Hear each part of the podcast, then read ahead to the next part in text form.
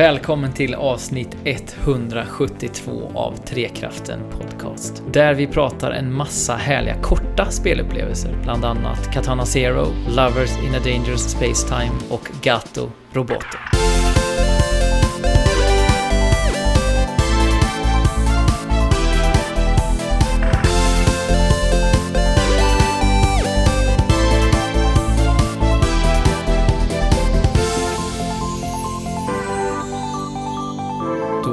Susar Trekraften in i era öron igen. Hej på er och hej på dig Andrew. Hej på Jesper. Eh, idag är det en mysig eh, middag, på säga, på tu man hand. Jag vet inte, jag sitter i och för sig och äter en smörgås lite så här smygigt vid sidan. Jag vet inte om du har något ätbart? Jag sitter med en kopp te faktiskt. Ja. Då är det ju mer som eh, en eh, sån här klassisk dejtstund när man satt och eh, drack te och åt smörgås och var lite smånervös. Eh, Jag är ju lite Förstår. beroende av te alltså. Speciellt eh, den här årstiden. Jag tycker det är så underbart alltså. samma här, jag dricker oftast te varje dag faktiskt. Men du har ju också ditt ursprung att falla tillbaka på. Ja men exakt. Eh, Det brittiska eh, DNA som kräver att du dricker te. Och ett eh, bra maner och ett, en, ett int- intresse för fotboll, det är väl de sakerna du får med dig från, exakt. från, från England. Det är bara dem. Ja, Mm. och från Sverige så har du med dig ett brinnande intresse för tv och datorspel också. Jajamän. Där har ni mig. DNA-profileringen. Ja, men du, eh, du har varit och jobbat idag här på Ja, eh, din, din spelstudio du jobbar på. nu. Mhm. Som, eh, som någon slags mellandimension mellan liksom plugget och eh, arbetslivet på något vis. Jag vet inte. Eller ser man det Ja, bara så? ja, men precis. Ja, Det känns ju inte så. Det känns ju som att jag jobbar. Men Mm. ja, det är väl en del av skolan såklart. Vad var ehm, eh, den stora takeawayen du gjorde idag? Eh, oj. Det har varit en extremt seg måndag faktiskt. Vi spelar in måndag kväll.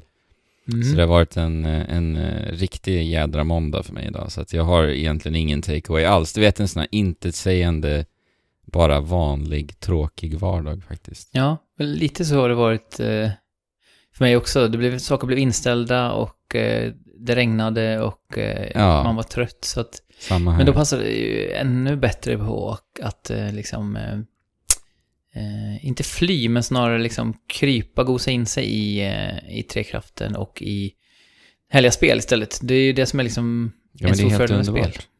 Mm. Helt underbart. Har- Fa- Fabian är inte med oss tyvärr, Jesper. Nej, exakt. Fabian, han är ju, han är ju hemma på svensk mark, men Mm. eh, inte riktigt på plats Han, ikväll. håller, han håller eh, på att finslipa på Capoeira Legends-inslaget, så han kände att Ja. han behövde två veckor till där.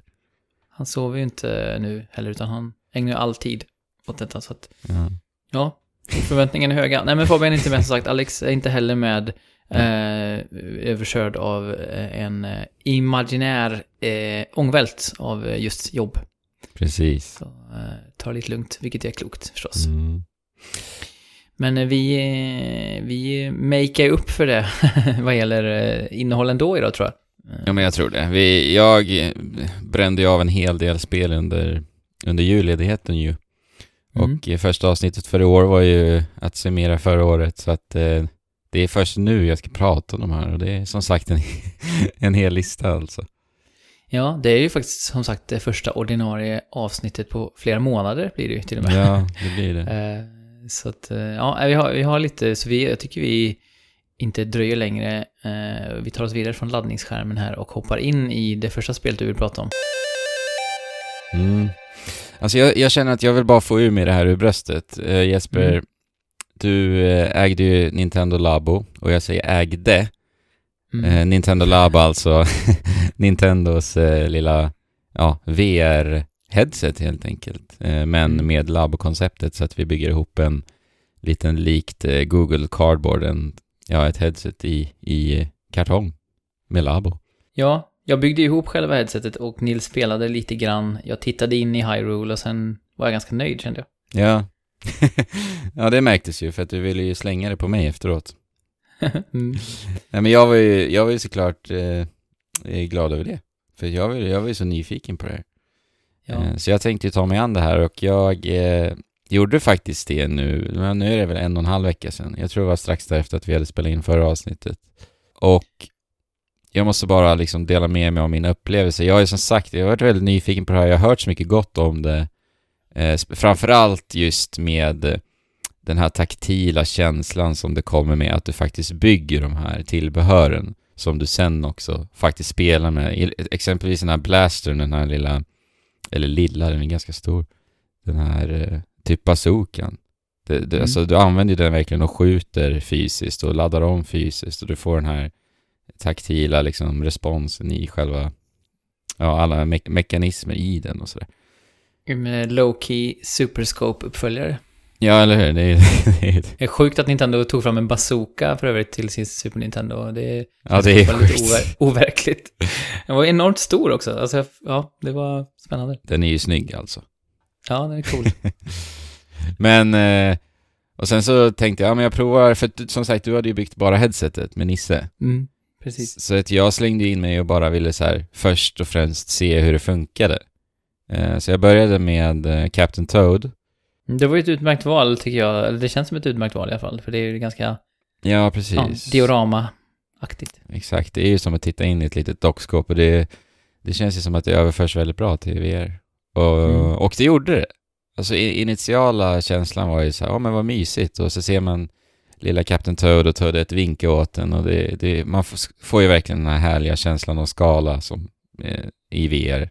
Och jag tycker den ändå fanns alltså i, i Labos. Mm. Alltså med tanke på hur sjukt, sjukt mycket billigare det är såklart att köpa ett Labo. Eh, men sen är det klart att det är inte en plattform som, som eh, eh, vad är det jag letar efter för ord, som eh, tas hand om. Alltså, utan det är som bara... Utmanar då? Nej men det är bara, det är bara ett spel egentligen. Det är ju La, Nintendo mm. Labo. Det är ingen, ingen plattform som de kontinuerligt släpper nytt till, utan Nej, men det ett, finns ju lite spel som stödjer Labo även om de inte ja, men är exakt. byggda för.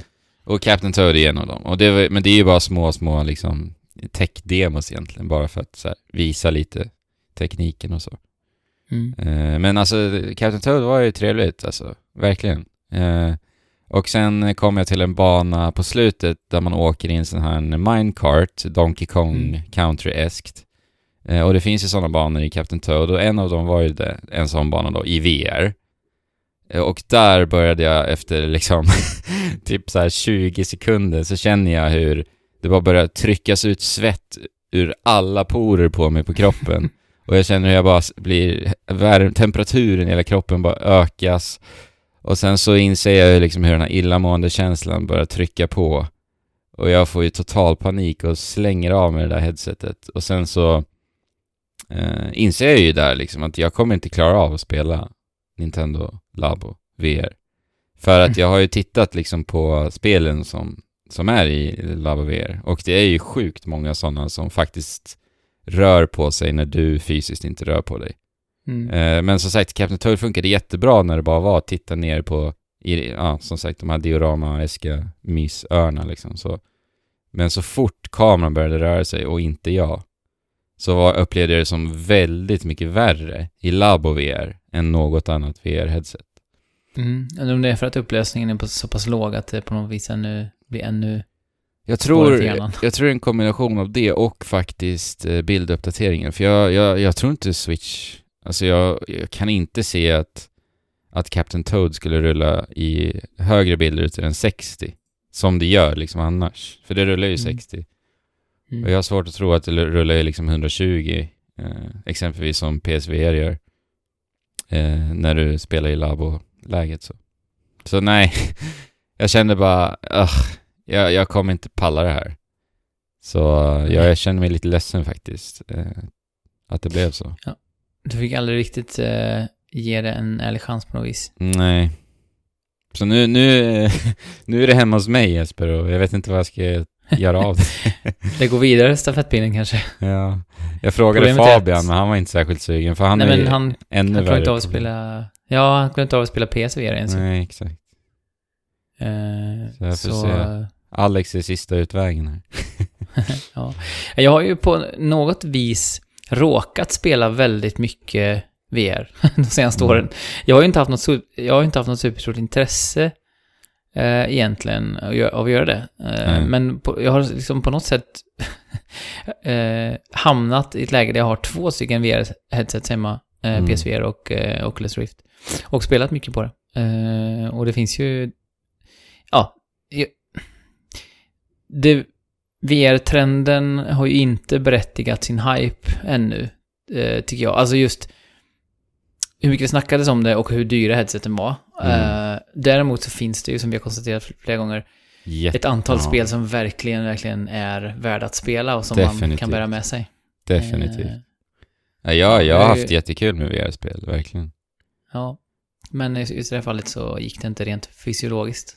Nej, det är så tråkigt, för som sagt, jag tycker ju verk, jag, jag tycker det är så, ser så spännande och kul ut just med kombinationen VR och att faktiskt ha de här fysiska tillbehören som man bygger. Mm.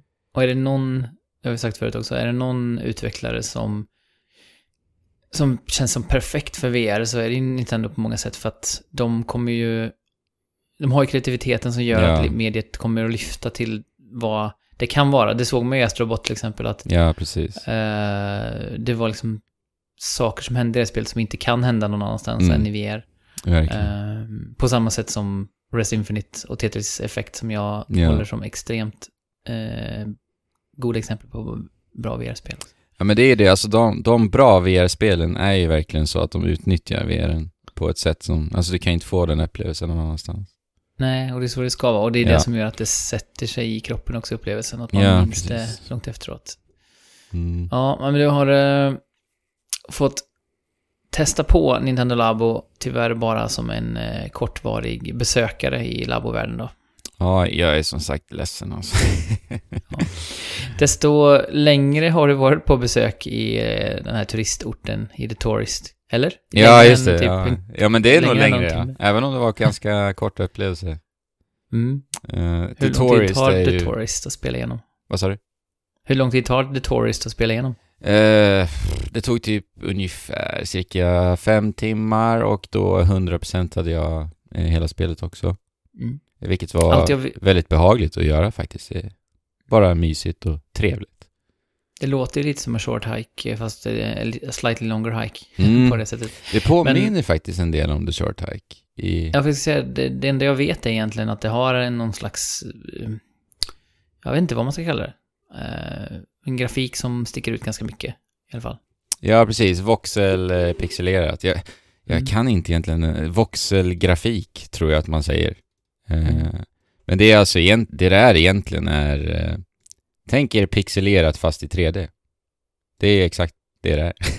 Mm. det är att ta pixelerad grafik in i 3D. Det är, så tänk er Minecraft fast liksom ännu mer distinkta pixlar egentligen. Mm. Och det ser ju så otroligt snyggt ut. Uh, och uh, i The Tourist, det här spelet är utvecklat av Shinnen Entertainment, de som gjorde Fast Racing till Wii U och Fast Racing RMX då till lanseringen när Switch kom. Det är ju det här F-Zero osande All... racingspelet. ja, det är spelet som många köper för att eh, det inte finns någon annan alternativ till F-Zero. Ex exakt. Eh, fast ganska... det är väl också ganska bra, ja, jag har inte ja, spelat det men... det är bra faktiskt. Eh, och tekniskt så är det ju fortfarande sjukt imponerande och med tanke på att det var ett lanseringsspel till Switch också så här, Eh, de är ju typ magiker alltså på kinnen. Jag har tittat lite på Digital Foundries här, eh, nedbrytning utav The Tourist också. Eh, för The Tourist rullar liksom i silkeslena 60 bilder per sekund. Och i deras test så droppades det en bildruta under typ så fem timmars speltid eller någonting. mm. Så det är så helt fullständigt galet rent tekniskt. Och det syns, alltså det är så snyggt alltså, verkligen. Det rullar på som smör verkligen. Och sen har de en sjukt snygga så realistiska ljus, eh, ljussättning. Så att mm. skuggorna och sånt lägger sig väldigt så här, snyggt realistiskt och det i kombination med just den här voxel eh, grafiska stilen gör att det ser så snyggt ut. Allting bara poppar så fint verkligen. Men har du spelat det på Switch eller? Ja, det är exklusivt till Switch. Mm, Okej. Okay. Ja. Men vad, eh, jag har hört lite blandat om själva, mm. Eh, jag, jag, vill inte säga gameplay, kan, kan vi komma på ett bättre svenskt ord? Spelbarhet, men det låter inte alls... Ja, men det är ju spelbarhet, spelmekanik. Ja. Det är väl typ en sam samling... Gameplay är typ ett samlingsord mellan spelmekanik och spelbarhet, eller? Typ? Ja. Något sånt. Spel... Spel... Spelspel. Gameplay. ja, Hur är spelspelet i The Tourist? Spelspelet är... Eh, Nej men som sagt, det påminner faktiskt en del om eh, Short Hike på det sättet att det är bara ett så här eh, rogivande spel. Du bara liksom vandrar omkring, du rör dig lite från öar till öar som har såklart så här distinkta teman. Det är lite så tropiskt tema ändå på allihopa genomgående. Och sen så handlar det bara om att eh, egentligen göra lite ärenden för lite folk och hjälpa till med saker och ting för lite folk. Och sen så är ju nivådesignen väldigt snygg på det sättet att du hittar ju alltid så utstickande saker på vissa öar. Sen kanske du låser upp en liten ny förmåga, sen minns du i din mentala karta att just det, där har vi en liten spricka i en vägg. Så då åker man tillbaka till den ön, så man liksom sippsappar lite och myser omkring på öar och bara så här, ja, gör saker. Egentligen. Ja, det, jag får bara komma med ett sidospår här om du ja, pallar med. Ja. Eh, nu pratar om öar och olika stilar. Ja. Det hände mig något sjukt idag när jag eh, stod och borstade tänderna i, ja egentligen i morse. Ja. Så blev jag plötsligt jättesugen på att gå tillbaka till eh, Assassin's Creed Odyssey. Jaha. det, okay. det, det, tog, det liksom, jag blev väldigt överraskad över det. Och det var för att jag lyssnade på... Det var en podcast som handlade om något helt annat. Det var typ en så träningspodd eller eh, idrottspsykologipodd eller någonting sånt. Mm. Eh, och jag vet inte varför, det triggade i alla fall. Och då... Eh, jo, just det, så här var det. Jag lyssnade på en hälso... Alltså Food Pharmacy, de som jobbar med, med ren mat, alltså mycket så här eh, antiinflammatorisk mat och så, att man ska äta ah, ja. när, närrullet. Eh, de pratade med en, en snubbe som gjorde vin och jag dricker ju ingenting så att det, jag var på väg att liksom skrubba förbi det delen. Men då pratade han just om hur den, den delen av Spanien var eh, hade så stor mångfald i sin natur. Okay. Eh, och det var ganska nära Barcelona men fortfarande liksom väldigt lantligt och mm. berg och sådär. Så då blev jag så här, det bara slog mig att just det, den delen av Odyssey var faktiskt fantastisk. Att de olika ögrupperna hade så distinkt olika mm. miljö och att det, att det är så det ser ut även i IRL då, så att man kan upp, om man, om man åker runt i grekiska övärlden mycket så kan man liksom uppleva så många olika typer mm. av geologi och så. Eh, och det var bara, jag vet inte, jag blev bara så här, jag vill bara åka runt i, i, i Odyssey, fick jag för mig. Men då, jag kanske kan spela The Tourist istället då, för det kanske är lite mer, ehm, eh, vad säger man, koncentrerad version av det här liksom blaffan ja. som är Odyssey som bara aldrig slutar. Det är ju helt... Eh, Ja, ja det är helt överdrivet vad stort Odyssey är på alla sätt och vis. Jag vet vad du kan göra Jesper, du kan ju åtminstone prova demot, för de, de har släppt ett demo faktiskt på The Tourist, mm. på e-shoppen. Just det. Ja, ja det kanske, det, får jag, jag får dra hem det i alla fall. Jag tror, kan tänka mig att Nils kan tilltala av mm. eh, stilen också på det. Men ja, jag avbröt dig mitt i, eh, mitt i här. Du pratade om att det var olika öar och att man kunde hitta förmågor och minnas man, att man bara, skulle... Man bara myser omkring och, mm. som sagt, ro, eh, ja, det är rogivande, härligt spel bara. Som sagt, fem timmar ungefär tog det och 100% alltihopa. Och det var bara liksom kom i vinden och man klarade av det. var liksom inget så här tuggmotstånd riktigt utan det bara flöt på. Och sen så eh, på de här öarna så, alltså det finns ju lite så här eh, någonting att så här eh, etsa sig fast i och, och hålla en engagerad och det är ju typ några former av märkliga mystiska monument som finns på en del öar. Eh, och det verkar vara något form av utomjordiskt får man reda på tidigt, tidigt spelet. Och sen så är det då eh, lite olika sådana här monument man ska pussla sig igenom, för då blir det lite så här pusselmoment då. Eh, och sen så ska man återvända till ett lite större monument, så här huvudmonumentet, när man har liksom klarat av de här fyra som är utspridda och så vidare. Så det är väl egentligen den så här huvudprogressionen om man säger så. Men det är inte där egentligen fokuset ligger, alltså i vad du faktiskt gör, utan det är bara en ursäkt till att ha något så här, något större mål egentligen. Känns det som. Mm. Men vad är um, grejen med stavningen då? För det stavas ju inte som Tourist brukar göra, utan det är ju ett Y där med också i mitten. Mm, precis. Vet du, vet du vad anledningen är? Mm, alltså det, jag minns inte faktiskt om man får reda på det riktigt. Eh, när jag tänker på det. Alltså det, det, The Tourist är också ett spel, nu när jag sitter och pratar om det, det, det var ett spel som ändå inte gav något så här bestående intryck. Utan det var, det var väldigt mycket bara... Ja, jag var turist för en stund och ändå hade det mysigt, men nu i efterhand så här så är det ingenting som har liksom etsat sig fast hos mig egentligen. det var lite en, en eh, vardagsmatsupplevelse på något vis, fast ja. utan, utan någon dålig bismak, men heller ingen så här smakexplosion på något vis. Nej, men precis. Exakt. Eh, de spelen måste ju också finnas. Ja. Eh, jag läste här nu på Wikipedia, en voxel, som vi sa här innan, är mm. alltså en tredimensionell motsvarighet till en pixel. Så jag hade helt rätt mm. Ja, nej men eh, prova demot åtminstone, det tycker jag. Jag hade ändå som sagt eh, en trevlig tid med det. Och en ganska kort upplevelse. Jag, jag är ju i en sån period faktiskt i mitt liv nu att jag uppskattar verkligen eh, lite kortare upplevelser när mm. det kommer till spelande. Ja, precis. Och det är väl egentligen genomgående för det här avsnittet också. Att du inte ja, men precis. Sträck, att du inte sträcker ut dina spelupplevelser så mycket, utan att du håller dem tajta. Ja, exakt. Verkligen. Men du har ju spelat ett spel där man eh, inte sträcker ut, men man använder en stretcher i alla fall. Eh, jag tänkte först att, eh, ja i och för sig, man sträcker väl ut sina armar, visst kan man göra det en del, när man bär den här båren? Eller är det, är det, är det mm. liksom normal anatomi på eh, sjukvårdspersonalen? Personalen, ja, men, ja normal kanske inte men, men i, i, i stort sett ja. ja. För, för The Stretchers är ju faktiskt ett eh, svensk-utvecklat spel. Jajamän. Som dök upp från ingenstans här i, när var det? I det måste ha varit i höstas. I höstas, ja precis. Ja. Och Nintendo eh, publicerade mm. Eh, det själva, vilket också är så här, oj. Ja, det är verkligen, stort. verkligen. Det är Tarsier mm. som har utvecklat det. Mm. Um, som har gjort uh, Little Nightmares och... Precis. Är det så? Och även... Little Big Planet. Ja, precis. De har varit inblandade i Little Big Planet, eller Till PS Vita, och så gjorde de trean. Jag är lite osäker om de gjorde Jag tror att de var, var en av studierna som var med och jobbade på det i alla fall, om jag minns rätt. Mm. Uh, men det här är ju någonting helt annat. Det här är något helt annat. Jag minns ju när jag såg den här uh, uh, släpp-trailern då som kom från ingenstans. För spelet släpptes ju samma dag, visst var det så? Om jag mm. inte minns helt fel. Som... Men var det inte en direct, den här Indie Direct Nej, det är det som är så inte. konstigt. För att de utannonserade. The Stretchers bara genom en trailer på YouTube. Typ så här en eller två veckor innan den här Indie World, Nintendo Direct. Och det, jag tycker det är ett väldigt märkligt beslut alltså. Ja, för man undrar om det beror på att de inte tycker att...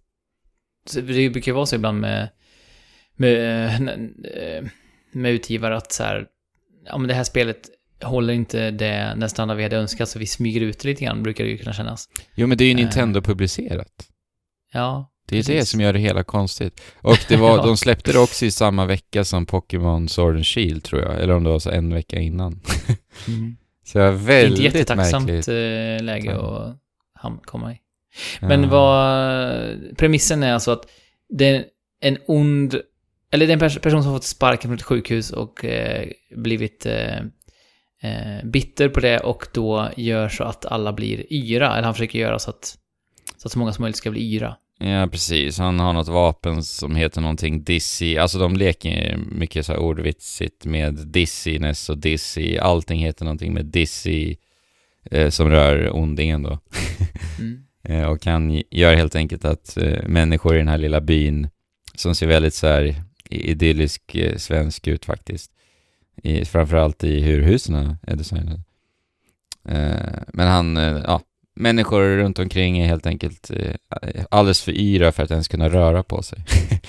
så då är det här alltså ett kooperativt fokuserat spel som man spelar som eh, eh, ena spelaren spelar som en eh, läkare och den andra som en annan läkare och vi har exakt samma rörelsemönster båda två. Och det är väldigt så här simpelt kontrollschema, det är bara rör dig omkring med vänstra spaken för att uh, gå. Och sen så kan du då grabba tag i saker med en knapp. Och nu bara så här, när jag tänker på spelet nu så tror jag att det bara var den knappen. Hmm, var det någon mer knapp? Jag är lite osäker bara på rak arm nu. Det var ju ett tag sedan jag spelade nu. Men det är mm. otroligt få knappar liksom, så det är väldigt så här lättillgängligt spel. För vem som helst att kunna hoppa in i. Och det, det känns ändå som ett bra beslut med tanke på att det är kooperativt designat också. Så mycket ligger ju i att helt enkelt eh, hjälpa varandra och det är otroligt så här, knasig design generellt eh, genomgående spelet. Bara mm. liksom tonaliteten och, och designmässigt eh, och just händelserna, eh, vad man faktiskt gör. det, det, eh, namnet kom, The Stretchers kommer ju från då att eh, de här läkarna som man spelar har alltså en ryggsäck på sig och ur den ryggsäcken så kan man dra ut som en sån här läkarbår och det är den som då kallas för the stretcher. Eller stretcher, en stretcher, så man sträcker ut den. Och sen så eh, laddar man på de här stackars yra människorna så ska man ta dem till sin ambulans eh, och eh, eh ta in dem i någon maskin som de kallar för typ så här un undisier eller någonting. för att de då ska bli av med sin yrhet. Eh, nej men det är liksom ett otroligt eh, fokuserat och simpelt spel. Hela spelet bara bygger kring kring liksom att vara två personer som kan grabba tag i saker och göra det tillsammans. Men det är väldigt mycket fokus på eh, ragdoll-fysik och fysik generellt liksom i, i alla lösningar, alla pussellösningar. Mm. För det är ju liksom lite så pussel, pussligt, att man ska dra i lite föremål till vissa punkter, sen ska ett vatten åka in där för att det ska växa lite, ja men du vet, det är liksom lite knasiga eh, händelser sådär. Det kan vara någon gräsklippare som båda ska hålla i för att klippa bort gräs och så man kommer fram. Eh, men det, jag tycker ändå om eh, faktiskt kreativiteten, alltså det, de gör väldigt mycket med det här lilla. Som sagt, det är egentligen typ bara en, eller då två knappar, jag minns inte nu på rakt arm direkt, eh, som du använder. Eh, och sen så gör du liksom väldigt mycket varierat och kreativt med det.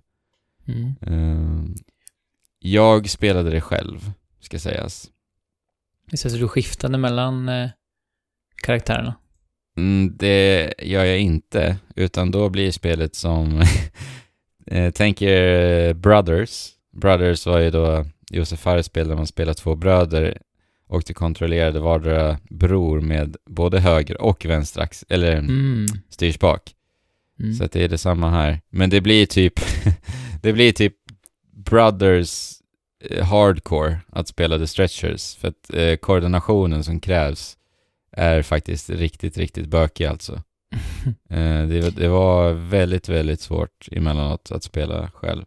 Men jag tyckte det var ändå trevligt, det funkade faktiskt förvånansvärt bra. När det väl klickade så att säga, när du liksom kom underfund med liksom kontrollschemat. Men mm. inledningsvis var det jäkligt, jäkligt bökigt alltså. Uh, jag skulle rekommendera att spela i co-op faktiskt. Ja, precis. Känns, jag testade också lite grann själv och Nils gjorde detsamma vid olika tillfällen. Men, mm. men jag försöker övertala min fru att spela det för att uh, ja, det känns som det kan bli uh, lättsamt Ja men verkligen. Kaosigt. ja men det är lite kaosigt, just för att det är mycket så här ragdoll som sagt. Så äh, skapar det väldigt mycket så här knasiga situationer där man liksom, ja, det kan dra, hända att man skrattar lite grann för sig själv för att det bara ser knasigt ut.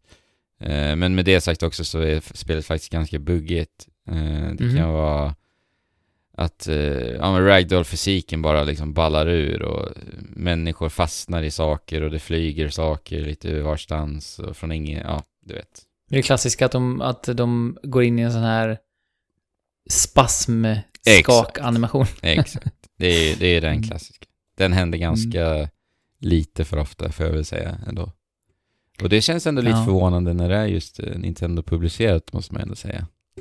Mm. Att inte den eh, kvalitetskontrollen, alltså att det har gått igenom den helt enkelt. För det är lite väl buggigt emellanåt. Mm. Eh, men vad är, vad är liksom ditt, eh, ditt övergripande intryck av Stretchers? Är det, är det, kan man rekommendera spelet? Är det liksom, eller är det likt Tourist att det är något man spelar och sen så försvinner mm. ut ur andra örat sen liksom? Vad, vilket, vilket intryck gör det? Ja, men det är lite som Tourist. Men däremot så skulle jag nog ändå i alla fall rekommendera om du har en, en eh, Coop-partner att spela med. Då skulle jag nog ändå mm. rekommendera det faktiskt. För jag tror att det... nu har jag inte spelat i Co-op, men jag skulle verkligen... Jag kan verkligen se att det blir kul då, faktiskt. Mm. Man kör ambulans också. Ja, precis. Emellan. Det är en liten öppen värld. Eh, och sen så kör du ambulans till liksom uppdragspunkter. Eh, sen så laddar du på då alla de här eh, yra människorna i ambulansen och sen så åker du med dem till The, the Undisier eller vad det nu heter. mm. Ja, jag, så jag läste på nu att eh, ondingen heter ju Captain Brains. Just det. Eh, Kapten Hjärna. Mm. Eh, och eh, på japanska så heter spelet eh, Suterat... Suteratsasu. Typ. Oj. Antar att det är någon form av eh, variant av Stretchers. Jag, jag, Och sen, jag såg ju eh, den japanska trailern till det här först. För det släpptes ju först i Japan. Ja, det gjorde jag också. Mm. Det passade bra. Den här lite galna japanska rösten Mm. i trailern. Och sen eh, tycker jag om omslaget, eh, det eh, visar de ju de två spelbara karaktärerna. Man kan ju ha massa olika kläder på dem, men Mm. Eh, där har de faktiskt gjort färgvalet att eh, tjejen har blått och killen har rött, bara som så här. Ja, en sån där sak som jag not- noterar och bara, ah, kul att de ändå har tänkt till, förmodligen, på det. Mm. Och inte... Det är, och sen är ju... det är Joy-Con-färgerna ju, som de har. Ja, precis. Men att de Verkligen. inte har liksom bara gått på så Ja, standardgrejen och gett tjejen rött och killen blått. Mm. Men eh, det är, också, det är också lite kul för karaktärerna är ju inte, om man ska fortsätta på det så är karaktärerna också eh, lite runda. Ja, precis. Eh, vilket också är lite Mm. roligt, det är sällan man ser i, i spel. Ja, faktiskt. Ja. Verkligen. Så A, A for representation i alla fall för Mm. stretchers, även om det inte kanske får A i alla andra avseenden. Men, Nej. men det är också ett eh, ganska billigt spel, det kostar väl 200? Är det så? Ja, det är något sånt. Jag är lite os... Jag... Det är så dumt, du vet, på e-shoppen. För att om du äger ett spel Ja, och just du det. går in på e-shoppen så kan du inte se vad det kostar. För det står ju att, då står det ju purchased. Att du redan har Mm. köpt det. Det är lite dumt faktiskt. Lite... Ja, man kan ju gå in på, på liksom nätet, men det är också lite omständigt. För, ja, Mm. precis. Det är för bökigt. Men ja, men det kanske är ett sånt spel man kan plocka upp om man liksom letar efter någonting nytt för en spelkväll tillsammans. Verkligen. Eh, Verkligen. Det är också som sagt lite kortare upplevelse. Jag tror jag klarar det på en drygt fyra, fem timmar. Och så. Mm. Ja.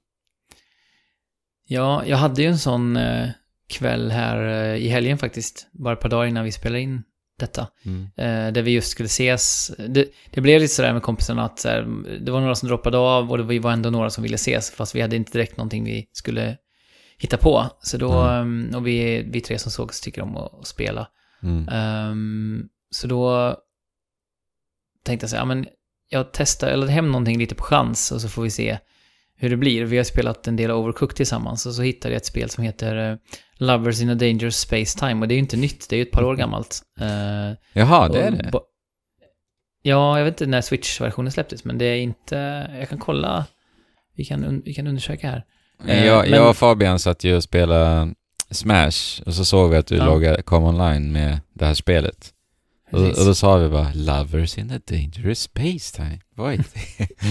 Ja, jag tror det kanske är ett sånt spel som har gått under radarn för många. Eh, ja, 2015 släpptes det faktiskt första gången till PS4 okej. Ja, eh, och PC. Så Mm. att, ehm, ja, det, men eh, jag spelade på Switch tillsammans med mina två goda vänner. då.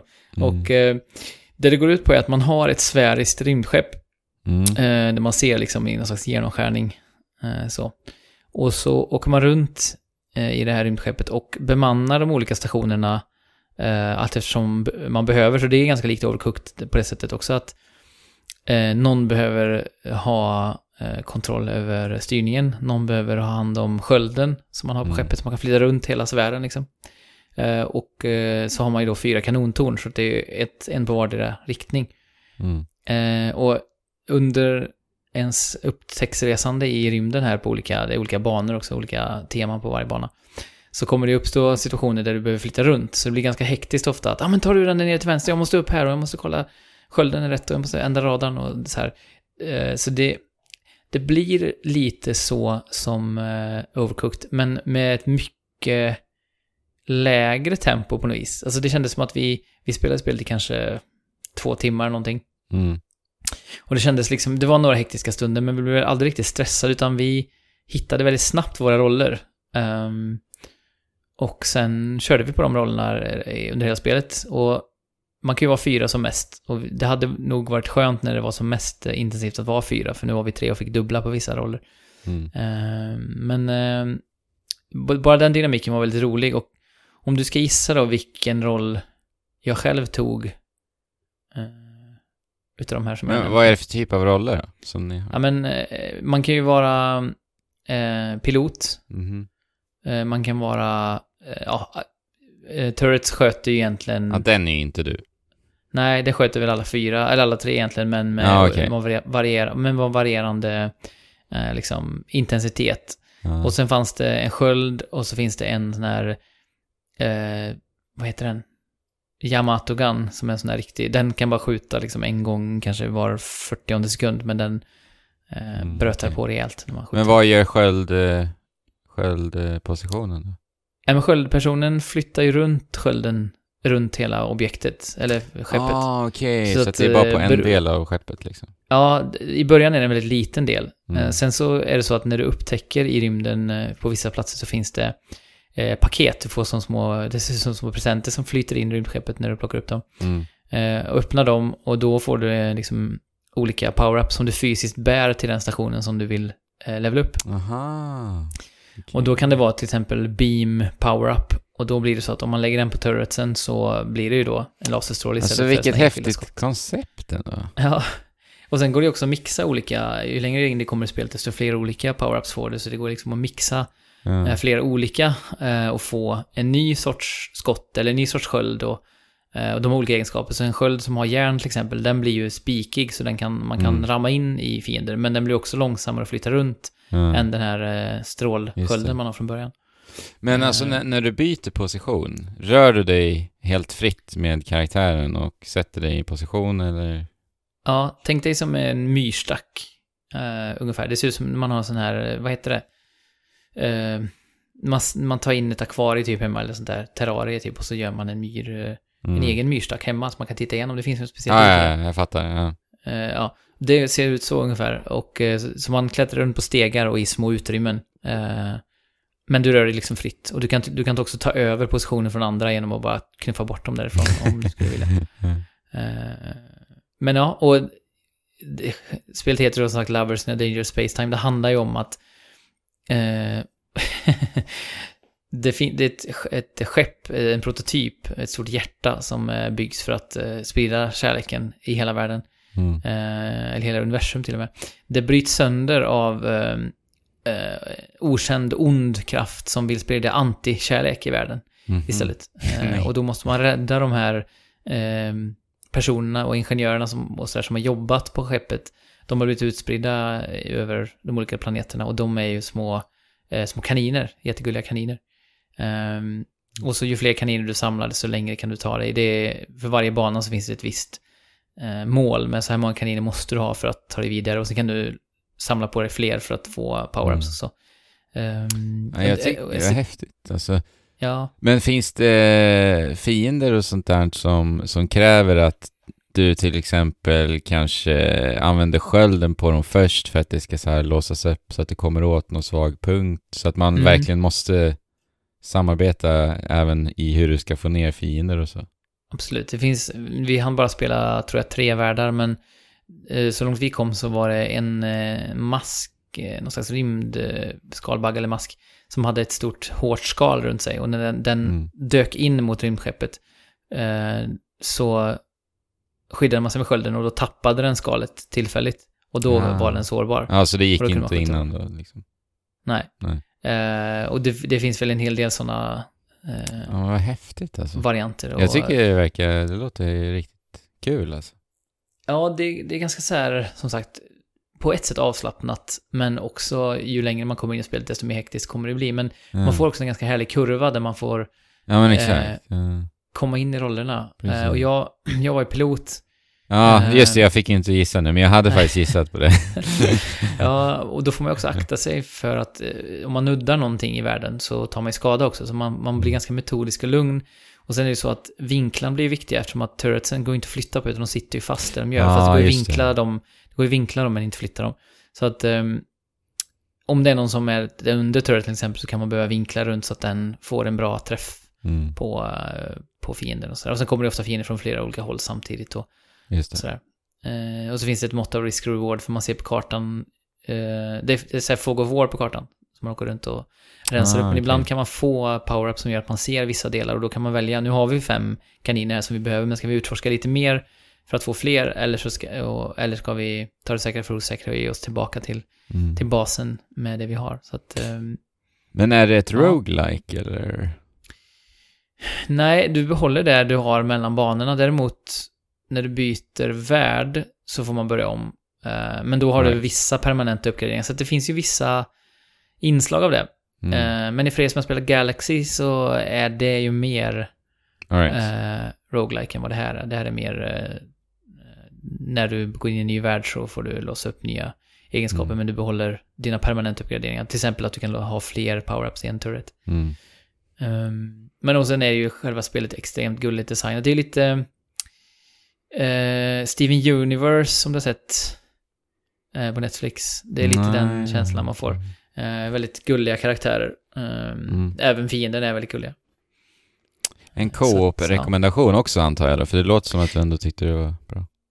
Ja, definitivt. Eh, ju fler desto bättre och som sagt fyra max. Men, eh, men ett väldigt så här gött tillbakalutat samarbetsspel där man liksom utforskar rymden och tar sig an Ja. farorna där tillsammans. Huh. Eh, Doldis också, det är alltid kul att kunna lösa Ja, spel som precis. man kanske inte ens hört talas om tidigare. Alltså det låter ju som, alltså när jag tittar på den också, så ser det ut som ett spel som jag, vi borde ha hört om. För att Mm. idén är ju fantastisk ändå. Ja, det är ju väldigt unikt. Ja, Eh, verkligen. Alltså det, det bygger ju på flera andra spel som, som vi har nämnt här, men, men det har verkligen sin egen twist på den då. Verkligen. Eh, Och just co-op-fokuset tycker jag verkligen om. Ja, för jag trodde det kanske skulle vara lite mer likt ehm, FTL till exempel, om du har spelat det. Ja, jo. Eh, men där är det ju väldigt hektiskt hela tiden och man Ja. misslyckas väldigt eh, ofta. Men i det här spelet är det snarare som en, eh, ja, men lite som du vi pratade om eh, Short Hike eller The Tourist, att så här, det är mest till för att man ska liksom få uppleva det och eh, ta sig igenom och liksom bara puttra på. Mm. Mm. Nej men Ja, testa, coolt. när ni har en spelkväll nästa gång. Ja. Och, så, och det funkar också med om man inte är jättevan vid att spela, för att om man bara har en uppgift så lär man sig den ganska snabbt. Och då kan man eh, Mm. göra nytta till laget även om man inte eh, är en van spelare. Vad kostade det när du köpte det? Eh, jag betalade 150 tror jag det var, Ja. Okej, så det var ganska billigt. Jag tror jag betalade till och med 135 för jag hade lite guldcoins att casha in. Det är ändå härligt det där med guldcoinsen tycker jag. Med Switch Mm. faktiskt. Man, får, man har ju oftast en så här 10-15 kronor Ja. att lösa in när man ska köpa ett spel. Det känns det som, ja men nu gjorde jag en bra deal Ja här. men verkligen, verkligen. Och sen om det är en rea på det också, det blir ännu trevligare. Ja, precis.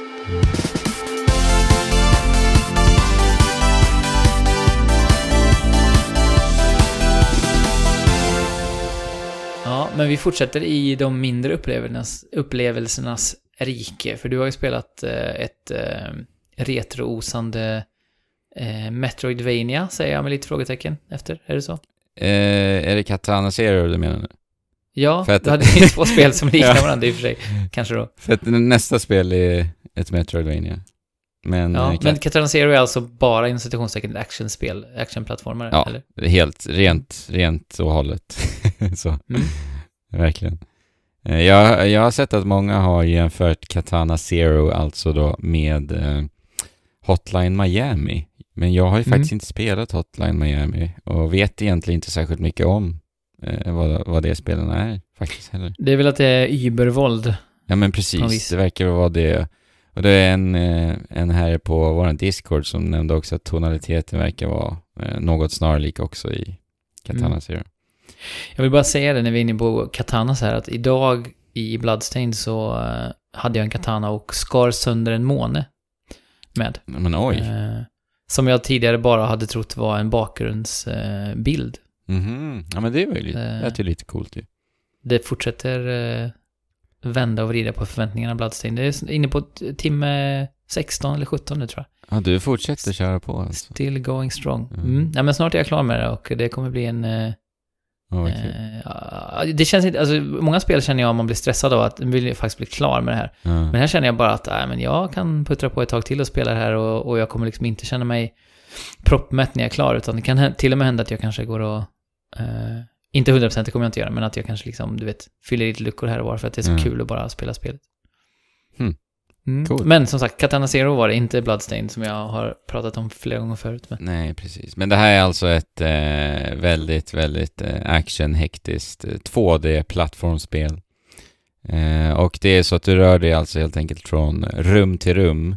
Så tänk är lite Celeste ändå. Alltså det, det går ut på att trial and error-eskt skiva ihjäl alla fiender i eh, rummen helt enkelt. Och sen tar Mm. det till nästa. Och sen blir det lite så här klassiskt beat'em up-eskt att det kommer upp en sån här go-knapp du vet när du har rensat hela rummet som Mm. pekar till Mm. höger. Eh, lite som sagt retro-blinkning där också.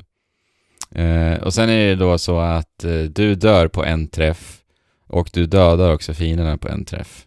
Mm, det är alltså Bushido Blade Ja, eh, style. Och jag tror Hotline Miami hade nog något liknande där också, så jag antar väl att lite jämförelserna kommer in där. Att du är väldigt Mm. sårbar liksom. Eh, men också åt andra hållet. Sen så är det ju så att när du är färdig med ett rum då och du har fört dig till nästa skärm så är det så som att eh, protagonisten som du spelar, det är en, en samuraj helt enkelt. Eh, ultracool, agil samuraj. Så är det så att det är som att protagonisten planerar utförandet. Så att det du spelar är planeringen. Och sen när du liksom går till nästa, rör dig till nästa skärm, då kommer det upp en liten text eh, på en svart skärm som säger i någonting i stil med så här Yes, that should do it. Och sen så får du se en, en snabbspolad repris på eh, din Mhm. perfekta run liksom. Mm. Så det är, det är ganska schysst faktiskt. Det är lite som det vi ville se i Superhot, kommer jag ihåg när vi pratade om Superhot. Eh, att man hade gärna velat se liksom sin Superhot-vända i så tredje person och hur coolt man gjorde allting. så att det är lite, det. lite den biten. Det, oj, det ser extremt snyggt ut, eh, bara det jag såg på trailern nu. Alltså, Mm, Verkligen. eh, grafik och eh, ljussättning och alltihopa. Det här är lite neon-osande Precis. som genomgår hela spelet. Ja, det är, det är otroligt snyggt. Det är pixelerat spel och animationsarbetet är ju verkligen fasansfullt bra alltså. Det är Mm. bland det snyggaste jag sett om jag ska vara ärlig, liksom, i, när det kommer till pixelering. Eh, och det går ju lite in i också så här, bara spelkänslan i spelet. Den är alltså, den är otrolig verkligen. Det är absoluta världsklass när det kommer till spelkänslan. Och det är så här, camera shakes är så löjligt tillfredsställande i det här spelet. Jag vet inte vad de gör. Det är något magiskt trick. Allting bara, bara att du svingar med ditt svärd så har de en liten, liten camera shake som gör att det känns så sjukt jävla tillfredsställande. Att bara röra Mm. sig i spelet. Eh, och sen så har ju det här spelet eh, marknadsfört med en gimmick där du helt enkelt saktar ner tiden och går in i slow motion. Mm. Och när du gör det så kan du så här slå bort eh, fienders pistolskott som kommer emot dig så du kan så avleda skott och få dem att åka tillbaka mot fienden och så. Jag fick ju eh, Beautiful Joe-vibbar av just den delen i trailern. Just att, det, så, eh, ja precis. att, att sakta ner Mm. tiden. Eh, och just Eh. bara den så här, effekten som sker när du går in i slow motion så, här, så sänks ju såklart musiken som spelas i pitch så här, jätte, Mm. Och sen så Mm. när du är inne i slow motion så hör du en så här ljudmatta som ligger och eh, alla, alla liksom saker som sker, alltså ditt svärdsving har en liksom nedpitchad ljudeffekt. Eh, pistolskotten som kommer emot dig så hör man så vinden i liksom den farten som den är i så att säga. Det är så jäkla mästerligt gjort alltså. Mm. Och, och eh, just när du avleder skottet, det, den ljudeffekten när det bara klingar tillbaka, alltså det, åh, det är så snyggt och, och välpolerat verkligen. Så att här märks det Ja. att de har finslipat något, eh, något otroligt mycket verkligen. Och det är ju, jag tror jag nämnde det förut också, men det är ju min absoluta favoriteffekt i spel, både visuellt och ja, audiovisuellt helt enkelt, när man eh, manipulerar musiken i takt till det som händer Mm.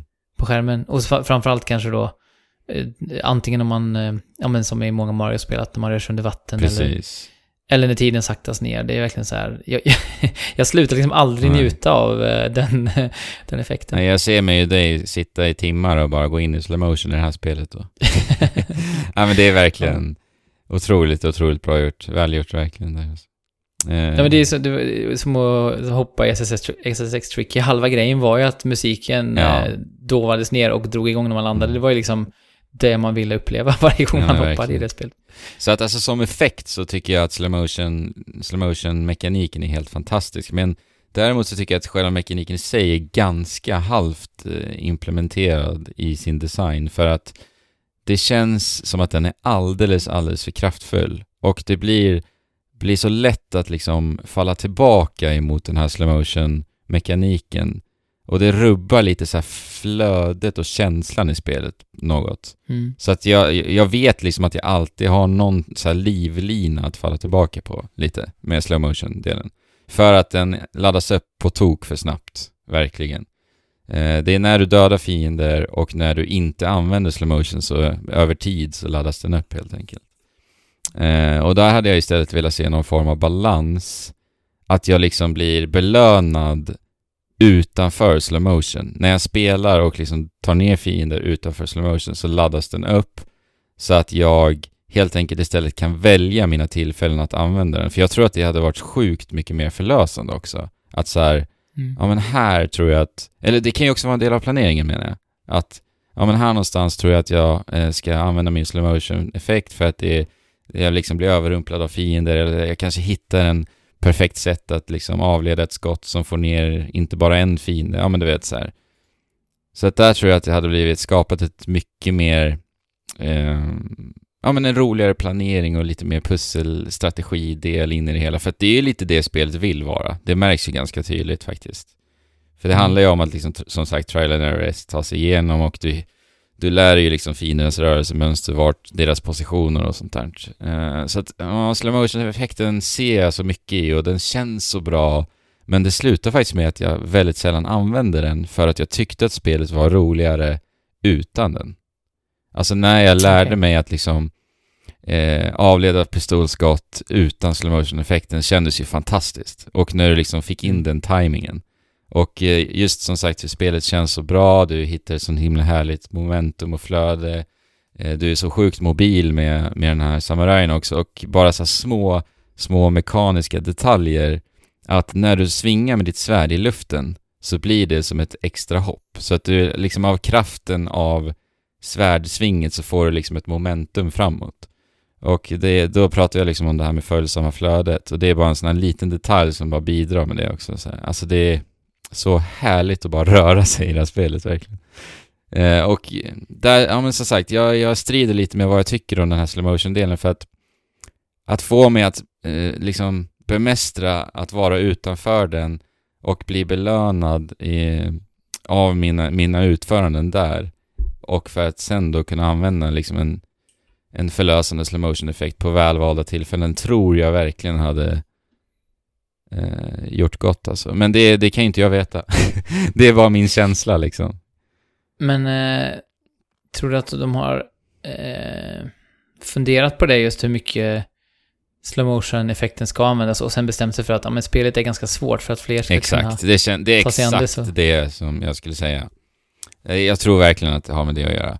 Eh, och mm. där blir det lite så här eh, att de hade ju... Det finns ju, där hade de kunnat dela upp det i svårighetsgrader liksom. Eh, mm. Känns som. För det är verkligen det, det gjorde ju, Det gjorde ju Fallen Order bra på det sättet. Alltså man fick se, beroende på vilken svårighetsgrad man ställde in, då fick man olika, mm. mycket hjälp på olika sätt, eller tvärtom. Uh, och då, då markerade ju också exakt vad det var som hände när man... Ja men precis. När man, uh, det hade man kunnat göra här också kanske. Mm. Att så här, ja men när de uppenbarligen har lagt så sjukt mycket arbete på att få spelet att kännas så här bra utanför slow motion så, mm. så är det ju mm. som att där säger de ju att vi, eller jag vill ju vara där. Och jag, det är ju det, mm. den delen av spelet jag vill bemästra. Alltså slow motion-effekten för mig känns ju som att det bara ska vara, som jag har sagt nu flera gånger här, det ska ju vara den livlinan. Eh, eller det jag faller tillbaka på, eller det jag planerar att ut, använda där för att eh, liksom mest effektivt ta mig igenom det. Men nu mm. är det verkligen någonting jag undermedvetet alltid vet, ja men jag är lugn. För att det är bara aktivera den liksom, så är, så är det fine. Tyvärr. Mm. Men, eh, så det slutade med att jag, jag spelade nästan hela spelet helt och hållet utan den. Eh, ibland så blev det väl lite så här, eh, blev väl lite trött på vissa skärmar, så då, ja, som sagt, då föll jag tillbaka och bara, ja, jag använder väl den. Men använder de den någon gång som till exempel i Mega Man 11 användes ju den slow motion-effekten som man kan använda där. Eh, som en mekanik. Mm. Alltså, det jag menar är en pussellösningsmekanik Precis. eller så alltså. Ja, lite. Eh, inte jättemycket, men det är väl lite så här, eh, typ eh, mekaniska, typ, ja men tänk dig Thomps i Mario liksom. Eh, så, mm. så ska du, kan du sakta ner farten då för att liksom ta dig under så att du inte blir mosad och lite sådana saker. Men det mm. utforskas väl inte jättemycket heller faktiskt ändå. Yes. Hur är musiken i eh, det här spelet? För det är ju alltid en viktig mm. aspekt av den här typen av spel. Jag gillar den alltså och den musiken hjälper ju verkligen till att så komma in i zonen verkligen. Eh, det är lite så här... Jag hör tendenser av lite 80-tal, det är lite så här psykedeliskt, tungt elektro.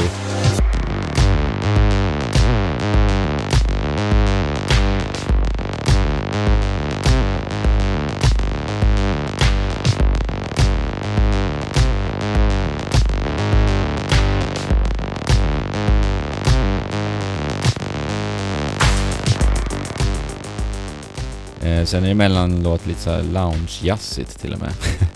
så det är en jädra blandning, men eh, när du är på banorna så får du höra mer tendenser av det här lite elektro och sen mellan varven när du är, är lite mer story, eh, storytungt så blir det lite så här, ja, lite lounge-shit liksom. Men jag tycker det passar faktiskt väldigt bra till estetiken. Det är väldigt, väldigt bra. Ja, alltså mycket, väldigt mycket i det här spelet tilltalar mig, men det finns ju som vanligt en stor mm. aspekt som inte tilltalar mig. Eh, och det är ju att det är så pass våldsamt. Och att det är, jag menar, hade det varit så här, hade man bytt ut eh, mänskliga fiender mot robotar eh, och olja istället för blod så hade jag nog känt betydligt eh, mindre motståndsspelare. För att just musik och estetik verkar ju vara precis i min smak. Ja, det är sjukt våldsamt emellanåt. Också i liksom så händelser i, i storyn och så. Väldigt, mm. väldigt mycket faktiskt. Jag såg det i, story, eller i trailern också att det verkar vara ganska rått. Ja, verkligen. Det var faktiskt lite osmakligt några gånger, tyckte jag också. Mm. Lite väl mycket. Men jag, alltså, allt som allt så tyckte jag det var, jag hade sjukt roligt faktiskt med det här spelet. Eh, mm. Jag kunde väl också tycka att bara någonting negativt, att banorna på något sätt ändå så blurrades ihop. När jag, alltså när jag tänker tillbaka på spelet så kan jag inte riktigt så här eh, separera banorna egentligen. Det var bara rum med fiender. eh, mm. Men i och med att spelet, spelkänslan är så fantastiskt jäkla bra så hade jag ändå genomgående kul och det var, tog väl, ja som sagt, korta spel idag, fem timmar ungefär. Att ta mig igenom det. Ja, och du har bara spelat korta spel och du har bara spelat Switch-spel till denna vecka, visst är det så? Eh, det är det va? Nej, ett, ett spel finns till Switch, men jag spelade det inte på Switch. Ah, okej, okay. det sista det spelet du skulle prata om har inte, har, Spelar på PS4? Exakt. Eh, nej, på men dator tänker... till och med. ah. Okay. ja. PC. Du ska få komma in på vilket det är eh, sist här, men innan du får göra det så tänker jag att jag ska kort bara prata om... Vi pratade lite om Wattam eh, i förbigående i eh, årets spel vad gäller eh, musik, mm, soundtrack. Just det. Eh, och jag hade ju sett fram emot väldigt mycket mot Wattam. Det är ju Keita Takashis första, första spel på, vad sa jag, 12 år? 13 år någonting sånt. Ja, många år, uh, verkligen. ja, det är alltså eh, pappan till Katamari-spelen. Uh, och det har ju kommit Katamari-spel efter uh, hans inblandning också, men det mm. har ju mm. märkts lite grann att han inte varit med. Men, och därför, och att han har ju varit under utveckling i, tror jag, sju eller åtta år, någonting sånt sammanlagt. Mm. Um, och jag hade, jag hade ju lite svårt inför Åtan för att jag hade ju inte, som jag sa det, jag har inte haft så många spel som har fångat mig riktigt under 2019.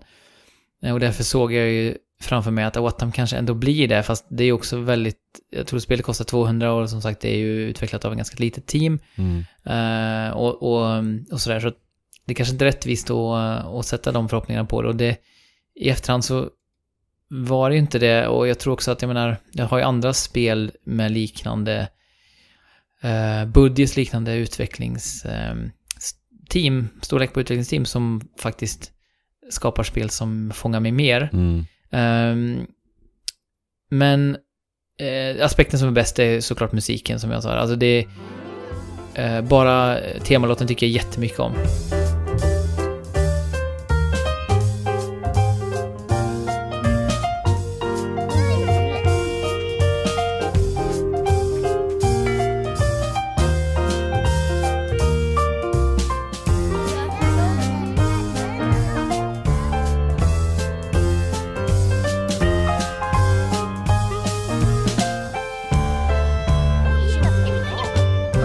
Finns på Spotify att lyssna på för er som är intresserade. Hela Ja, jag måste göra det. Eh, Det finns där alltså, och- Spotify. Ja, och det är ju fantastiskt också hur... Dels kommer ju då eh, sång in ganska tidigt i spelet, vilket också så här, det är ju, det är ju väldigt katamareskt sprudlande och man blir väldigt glad bara av att höra det. Mm. Och sen fortsätter det ju med att eh, det finns olika teman på olika öar man befinner sig på. Eh, och varenda pryl, för spelet är ju så att uppbyggt på det sättet att man, eh, världen, det är en, det är en postapokalyptiskt spel faktiskt. Mm. Världen har gått under, man inleder som eh, eh, den här karaktären som heter eh, Mayer, som är den här gröna figuren med hatt på sig Mm. eh, som är framsidan av spelet. Och han ska då återställa världen och sakta men säkert så kom, återkommer det saker ifrån yttre rymden någonstans. Så kommer hela tiden saker så här, welcome back share, welcome back spoon, welcome back plant. Så det är så här mycket märkliga saker Ja. som kommer in flygande. Och eh, för varje sån här lite större eh, återvälkomnande så kommer det många olika prylar eller saker som är tema då. Mm. Eh, och alla de här små sakerna har sin egen version av den här låten på ön man befinner sig. Det är helt otroligt. Alltså, eh, det är ju hundratals föremål. Och varenda litet föremål har, har en egen take på melodin. Eh, det kan vara så här, ja, men nu är det munspel, eller nu är det 8-bits sound, eller nu är det eh, elektrogitarr. Eller, det, är helt Mm. otroligt hur mycket. Som att, bara att byta runt bland karaktärerna för att få höra eh, ljudet är ju värt Men mycket i sig. shit, ja, ja, det är så mycket fokus ändå på, på ljud och musik i spelet. Ja, Ja, det är det verkligen. Eh, och, och sen eh, är ju själva spelet någon slags blandning mellan en öppen eh, lekplats och ett spel på något vis. Eh, för det är ju liksom så här, Ja, jag sitter och tittar på det eh, nu. Det är så... ja, alla karaktärer kan ju ta i varandras händer. Man kan kontrollera varje karaktärs händer individuellt. Så en, en vänsterhand och en högerhand, du kan koppla samman så du kan ju göra jättestora ringar och dansa till exempel. Och vissa eh, små pussel, så kallar det, kräver ju att du dansar i en Mm. cirkel på det sättet. Och sen kan man ju då interagera med de flesta karaktärerna på olika sätt. Att eh, träden kan producera frukt. Eh, de, kan, de äter upp någonting och så producerar de en frukt. Och då blir ju liksom karaktären som förut var kanske en boll, blir istället en banan. Mm. och, och sen eh, kan då, eh, nu ska jag se vilket föremål det är. Det är ett, ett föremål som kan skapa bajskorvar. eh, det är en mun, det är en mun som heter Steven. Som kan, sk- Den kan, skapa bajskorvar. Ja, den äter upp frukt och sen bajsar den ut bajs i andra änden. Ja, Eh, och det finns också med som en spelmekanik där man faktiskt behöver göra det. mm. Eh, men man utför små uppdrag, får storyn berättat för sig och eh, eh, i sedvanlig liksom Takahashi-ordning så är det väldigt så här Mm. naiv touch över det och jag tycker också det stora undergången man får ju nysta upp den då. Den presenteras väldigt fint i slutet på ett väldigt så här, överraskande och gulligt sätt. Ehm, så att ja, jag vet inte hur många timmar jag la på det, kanske också någonstans där kring fyra, fem. Ehm, Ja, härligt. Ja, Visst är det härligt? eh, det är det. Men man ska inte förvänta sig ett tight spel för att det är ganska klunkig kontroll. Det är, så här, det är inte logiskt upplägg. Det var ju så Katamari också, att man fick ju lära sig bara kontrollen. eh, Utan att, den satt ju verkligen inte från start, utan man fick Nej, träna precis. sig in i det. Lite så är det också, och eh, det är lite små eh, ruft vad gäller eh, tekniken. Det är lite, bilduppdateringen är lite halvdan, jag bryr mig inte om sånt så mycket, men det, det är lite sådär Mm. eh, kantigt. Men som svältfödd på hans spel så har jag ändå njutit av det. Och framförallt som sagt av mus- musiken och ljuden. Du blev ändå nöjd, Och- eller? Ja. Mm. Ja, nöjd men inte liksom... Jag hade hoppats att bli blåst av stolen lite grann i alla fall, men det blev jag inte. Så, men eh, man, man låser också upp lite så här roliga bonuskaraktärer i slutet. Man låser upp prinsen bland annat eh, från Katamari. Ah, kul. Eh, och då får man ju hans tema. Och sen låser man Mm. upp Nobi Nobi Boy också. Ah, som också är... Eh, Nobi Nobi Nobi Nobi Nobi Nobi Boy. Nice. Nobi Nobi Nobi helt in i bakgrunden. Det är väldigt så här charmigt. Mm. Men eh, ja, nej, Wattam. Eh, om ni, det är ju ganska billigt också, jag tror det kostar 200. Eh, Mm. Som sagt, så om ni... Om ni behöver en injektion av feel good och liksom så här lite vitamin i spelform så kan jag, då kan jag rekommendera Wattam. Och spela tillsammans med barn också. Även om ba- barnen själva, Greta fick sköta själva bajsandet, hon tryckte på bajsknappen, det vill säga fyrkanten. Eh, för hon, hon tittar ju på, på ta- tumnaglarna på PS4 och sa men det där vill jag spela liksom. Mm. Och så fick jag hjälpa henne så gott det gick. Så att, eh, men att spela med ett barn som tittar på och hjälper till så smått tror jag är ett optimalt sätt att ta sig an det på. Det är bara PS4? Ja, det ska släppas, tror jag, till... Är det till PC också? Jag är osäker. Men jag har spelat det på PS4 och det är bara släppt på PS4 hittills. Mm. Uh, Watam. Support your local uh, Takahashi. Han, Watam också, det är ju en uh, blandning mellan japanskt och tamilskt uttryck. För det är ju han och uh, en person som är tamil, alltså från Indien. Mm. Uh, eller nej, Sri Lanka ska jag säga nu. Sri Lanka är det. det är en viktig distinktion däremellan. Okay. Ehm, som har gjort det. Så det är också en ganska rolig fusion på det viset av eh, två olika Just kulturer. Det. Ja, men eh, till sist i dagens avsnitt, det var Wattam som sagt, till sist i dagens avsnitt så har du spelat en eh, robotkatt som eh, mörsar runt i någon slags Metroid-miljö. Ja, eller det är faktiskt en, en biologisk, organisk katt. Mm. Som rör sig i en robotdräkt. Som en mex. Just det, så mecken, ja precis. precis. Eh, och mm. det här är då ett, ett litet Metroidvania får jag säga. För återigen då, en kortare upplevelse. Det här tog tre timmar ungefär bara. Mm. Dra mig igenom. Men det är, väldigt, det är väldigt mörkt. Det är väldigt allvarlig ton och det har en väldigt tung story och... Nej. Ödesmättat. Nej, inte, inte alls. Eh, det är lite så här Gameboy-osande i sin grafiska, grafiska stil.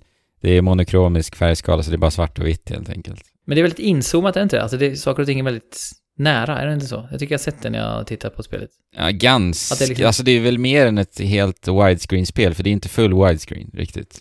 Nej. Så ja, det är ju lite mer inzoomat faktiskt. Jag har inte tänkt på det nu när du när du säger det, men så är det faktiskt. Det är lite mer inzoomat. Det, det är också lite Gameboy-feeling på att skärmen var så liten ja, så att precis. Eh, man var tvungen att förstora upp Och sakerna. när jag tänker på det så är faktiskt eh, använd, eller gränssnittet utanför skärmen så att säga.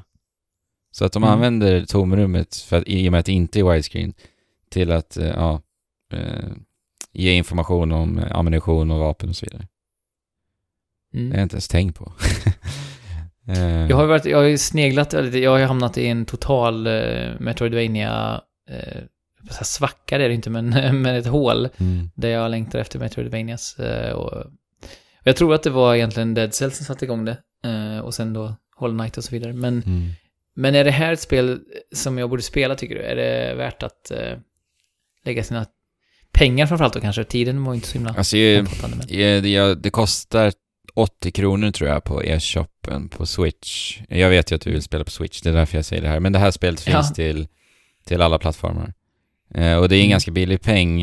Jag vet att det var på rea. Det är sådana spel som dyker upp på rea. Jag tror jag har sett det på rea flera gånger faktiskt. Så det kostade 40 mm. kronor här för bara några veckor sedan. Så att liksom med det sagt, med den, den prissumman så är det ett så fet ja alltså. Det tycker jag verkligen mm. är värt de pengarna. Uh, och jag ändå, hade ändå en trevlig tid. Det är lite så samma känsla som genomgående egentligen i det här spelet, förutom Katana Zero kanske för mig då. Att det kändes, det var en trevlig tid, men inget bestående sådär. Mm. Uh, men det, det, här är ju ett spel som är främst inspirerat av just Metroid, när man säger Metroidvania skulle jag säga faktiskt. Oh, Vi spelar ju alltså en katt som sagt. Uh, och husse till denna katt får vi se tidigt i spelet, är på väg att bli befordrad. Han verkar vara någon, någon rymdforskare av något slag och sen så ska vi bege oss iväg för att utforska en forskningsanläggning. Eh, och då så, ganska charmigt i en inledande liten sekvens så kliver då alltså katten på eh, skeppets instrumentbräda på lite knappar. Eh, och det gör då att vi kraschlandar vid den här forskningsanläggningen. Och så mm. det enda katten säger, utbrister är ju såklart ett miau då.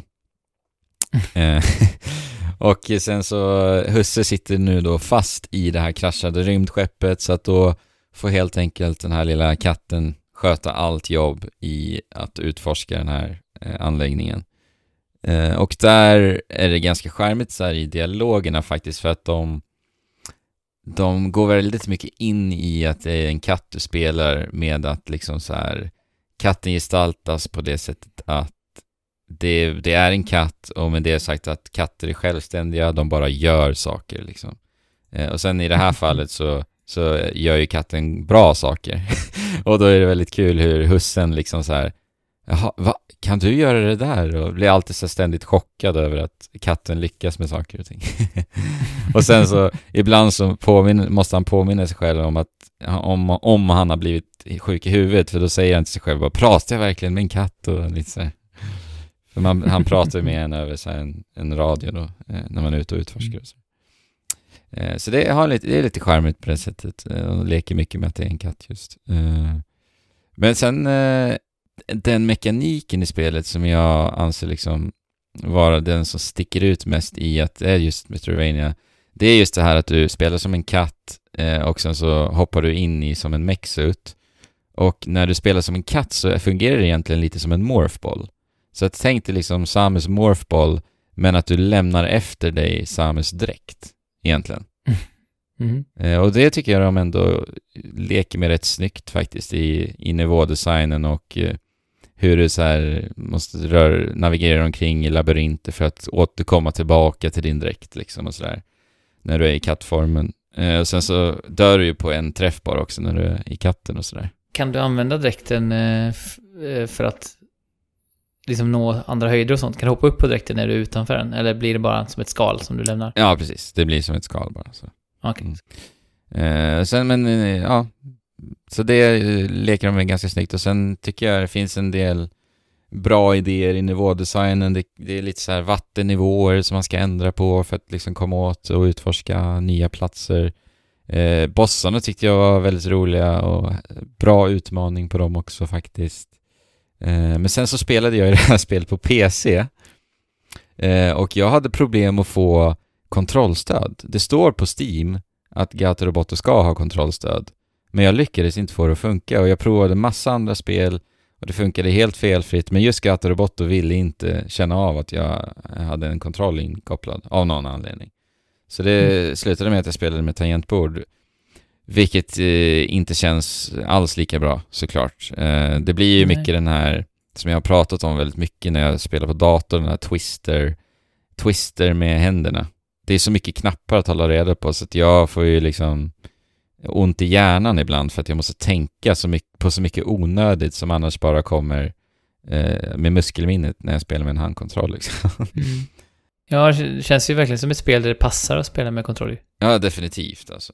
Det är verkligen, jag hade jättegärna velat spela med kontroll. Eh, och jag sa ju att bossarna var ganska utmanande. Jag vet inte om, om eh, det här kan ha bidragit där, för att det ibland var det verkligen väldigt bökigt för hjärnan just. Framförallt på bossarna. Eh, mycket knappar att trycka på. Så, så det hade nog varit mm. lite enklare att spela på med kontroll. Liksom. Mm. Ja, men det, ja, trevligt litet eh, Metroidvania-spel ändå. Tog typ som sagt tre timmar att klara av. Eh, och musiken påminner faktiskt ganska mycket om just Metroid också, på tal om att det rör sig mer åt ett Metroid-spel. Eh, det är lite så här Magmore Caverns osande. Du vet, mm, manliga körer i, som nynnar och lite så. mm. ja. Du har alltså spelat under 20 timmar, kanske 16-17 timmar till och med, och hunnit med fem spel på den här perioden. Det är ju ja. väldigt eh, effektivt spelande. Ja. Vad är den bästa power-upen du får i Kato Roboto? Uh, uh, uh, ja du, vad är den bästa? Det finns en... den är dock rätt sent i spelet. Jag vet inte om jag ska Ska man spoila den? Jag tror inte det. Nej. Jag kan säga så här, den påminner lite om Sonic. I alla fall. Mm. En form av spin dash då kanske.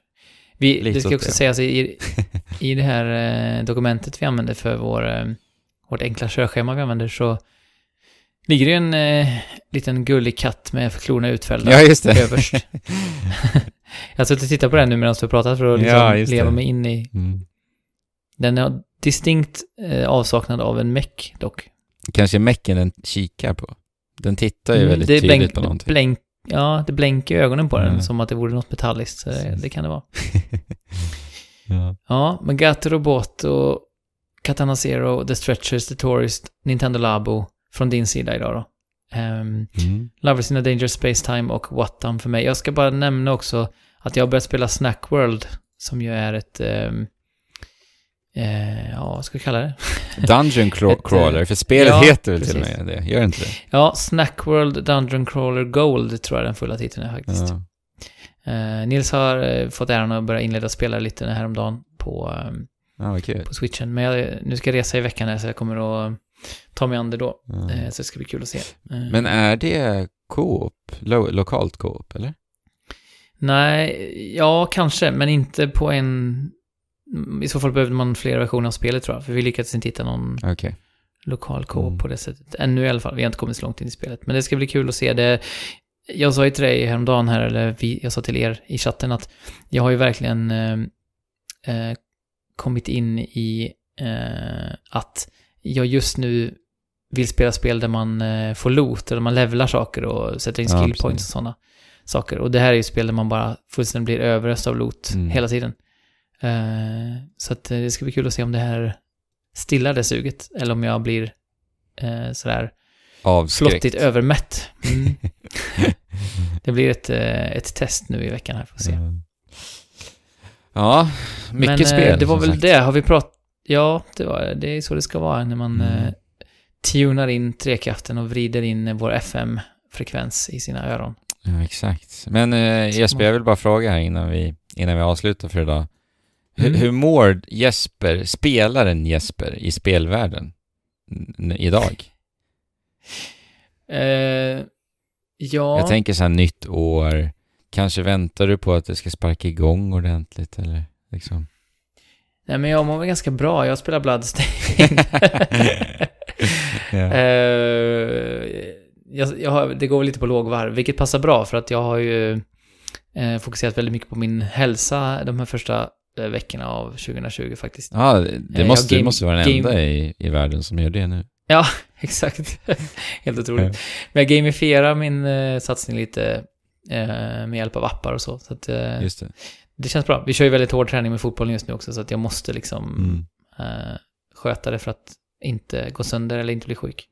Det är ju härligt också, Eh, såklart. Ja, men så, så det går lite på lågvarv. Men, men jag, jag tänker att Snackworld blir liksom eh, det första spelet jag varvar upp lite med. Mm. Eh, för det är ju inte släppt än till Switch ännu. Det kommer ju släppas ganska lagom till att vi har nästa avsnitt. Ja, precis. 15 det tror jag det släpptes. Februari. Ja, jag, tror inte ens, jag tror inte ens vi får prata. Ja, jag kollade det faktiskt nu. Vi får prata så här. Det vi har pratat om nu får vi prata om när vi släpper det här. Ja. Så.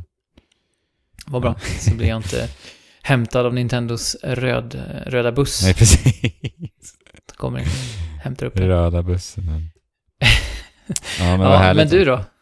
Nej, men jag, jag är väldigt eh, tillfredsställd alltså. Jag mår bra som Mm. spelare just nu.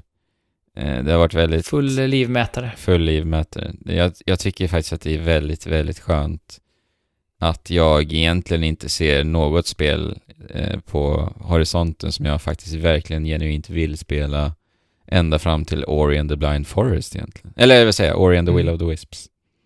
Och det är i Mm. mitten på mars liksom, så att det känns eh, väldigt skönt ändå. Ja, det är FF7 remastern som, eller remaken ska jag säga, Mm. som eh, verkligen hägrar där för mig. Och sen Så är det, det, har varit mycket förseningar nu också. på, på våren ju, för det är ett av dem. Mm. Eller på... Men det är ju bara försenat en månad. dock. Ja, exakt. Men eh, Cyberpunk, vad var det mer? Dying Light 2 blev ju också försenat nu och sen var det någonting mer. Marvels... Marvel det. Avengers. Så att... eh, Alla gråter floder över att inte få spela Marvel, Marvel, ja precis. Det är ju en sorg alltså.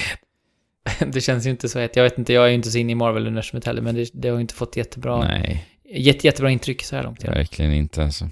Så att den här, den här Nej. våren som på förhand såg helt bananas ut, den har ju ändå så här mättats av något nu med alla förseningar. Men det är ganska bra, det kommer vara en intensiv vår ändå, så det är ganska Jag, jag tycker det känns skönt faktiskt.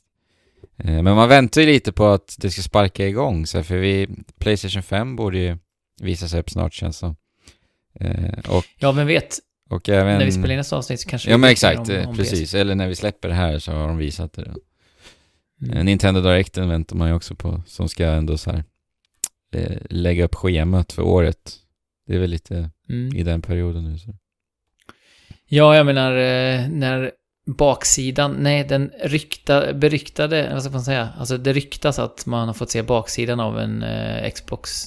Ja just det, Series Series X. X. Ja, jag såg den bilden. Och det, det gör liksom eh, stor nyhetsspridning, Ja. då vet man att det finns en stor törst efter att få veta mer om, om PS5 och även Xbox One Series, eller Xbox Det är så kul när man tittar på den där Series X-bilden, då är det så här, jaha, Ja. Ja men, ja, men det finns ju ingångar på, på baksidan. Ja. Ja, så att vi, vi... Det här har ju varit det puttriga avsnittet.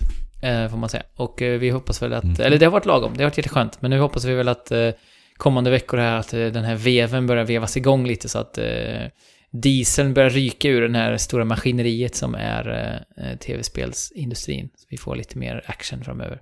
Definitivt alltså. Jag, jag kommer prata om Okami i nästa avsnitt faktiskt. Jag har mm. tagit mig an det spelet. Det ser vi fram emot. Både Okami och Snackworld och sen får vi se om eh, Fabian har någonting att komma med från... Eh, Capoeira Legends. Precis. Mm. Det förlovade landet borta i Sydamerika. Jajamän. Vi har sett att han är väldigt snygg i alla fall. Eh, eh, du har ju sett det IRL och jag såg det på Instagram. Ni kan ju gå in på vår Instagram och ni, framförallt kan ni gå in på vår Discord. Eh, där vi samtalar kvällarna, kvällarna långa. Och det just nu så pågår det faktiskt en diskussion angående problem med Switch-dockor. Så att om ni är intresserade av det så kan ni gå in på, på vår Discord. Mm. Men ja, och som sagt, vi blir glada för varenda en som droppar in är ju värdefull. precis som vi är superglada för vart en av er som lyssnar förstås. Verkligen, man glömmer ju bort det ibland faktiskt. Eh, mm. Sen påminns man bara, det är helt galet att folk faktiskt lyssnar. Och det är man så tacksam Ja, så tack för att ni följer med oss även in i 2020 och vi hoppas eh, kunna glädja er eh, och förgylla kanske lite arbetsdagar och sånt. Eh, jag vet ju själv hur det är när man på poddar även eh, ja, den här våren. Och eh, recensera oss gärna så vi vet vad vi ska ge er mer av och mindre av kanske också. Precis på iTunes och annat. Mm. Men eh, jag tror att vi säger så Andrew och fram tills dess så får ni spela på och eh, Sheep. Shula.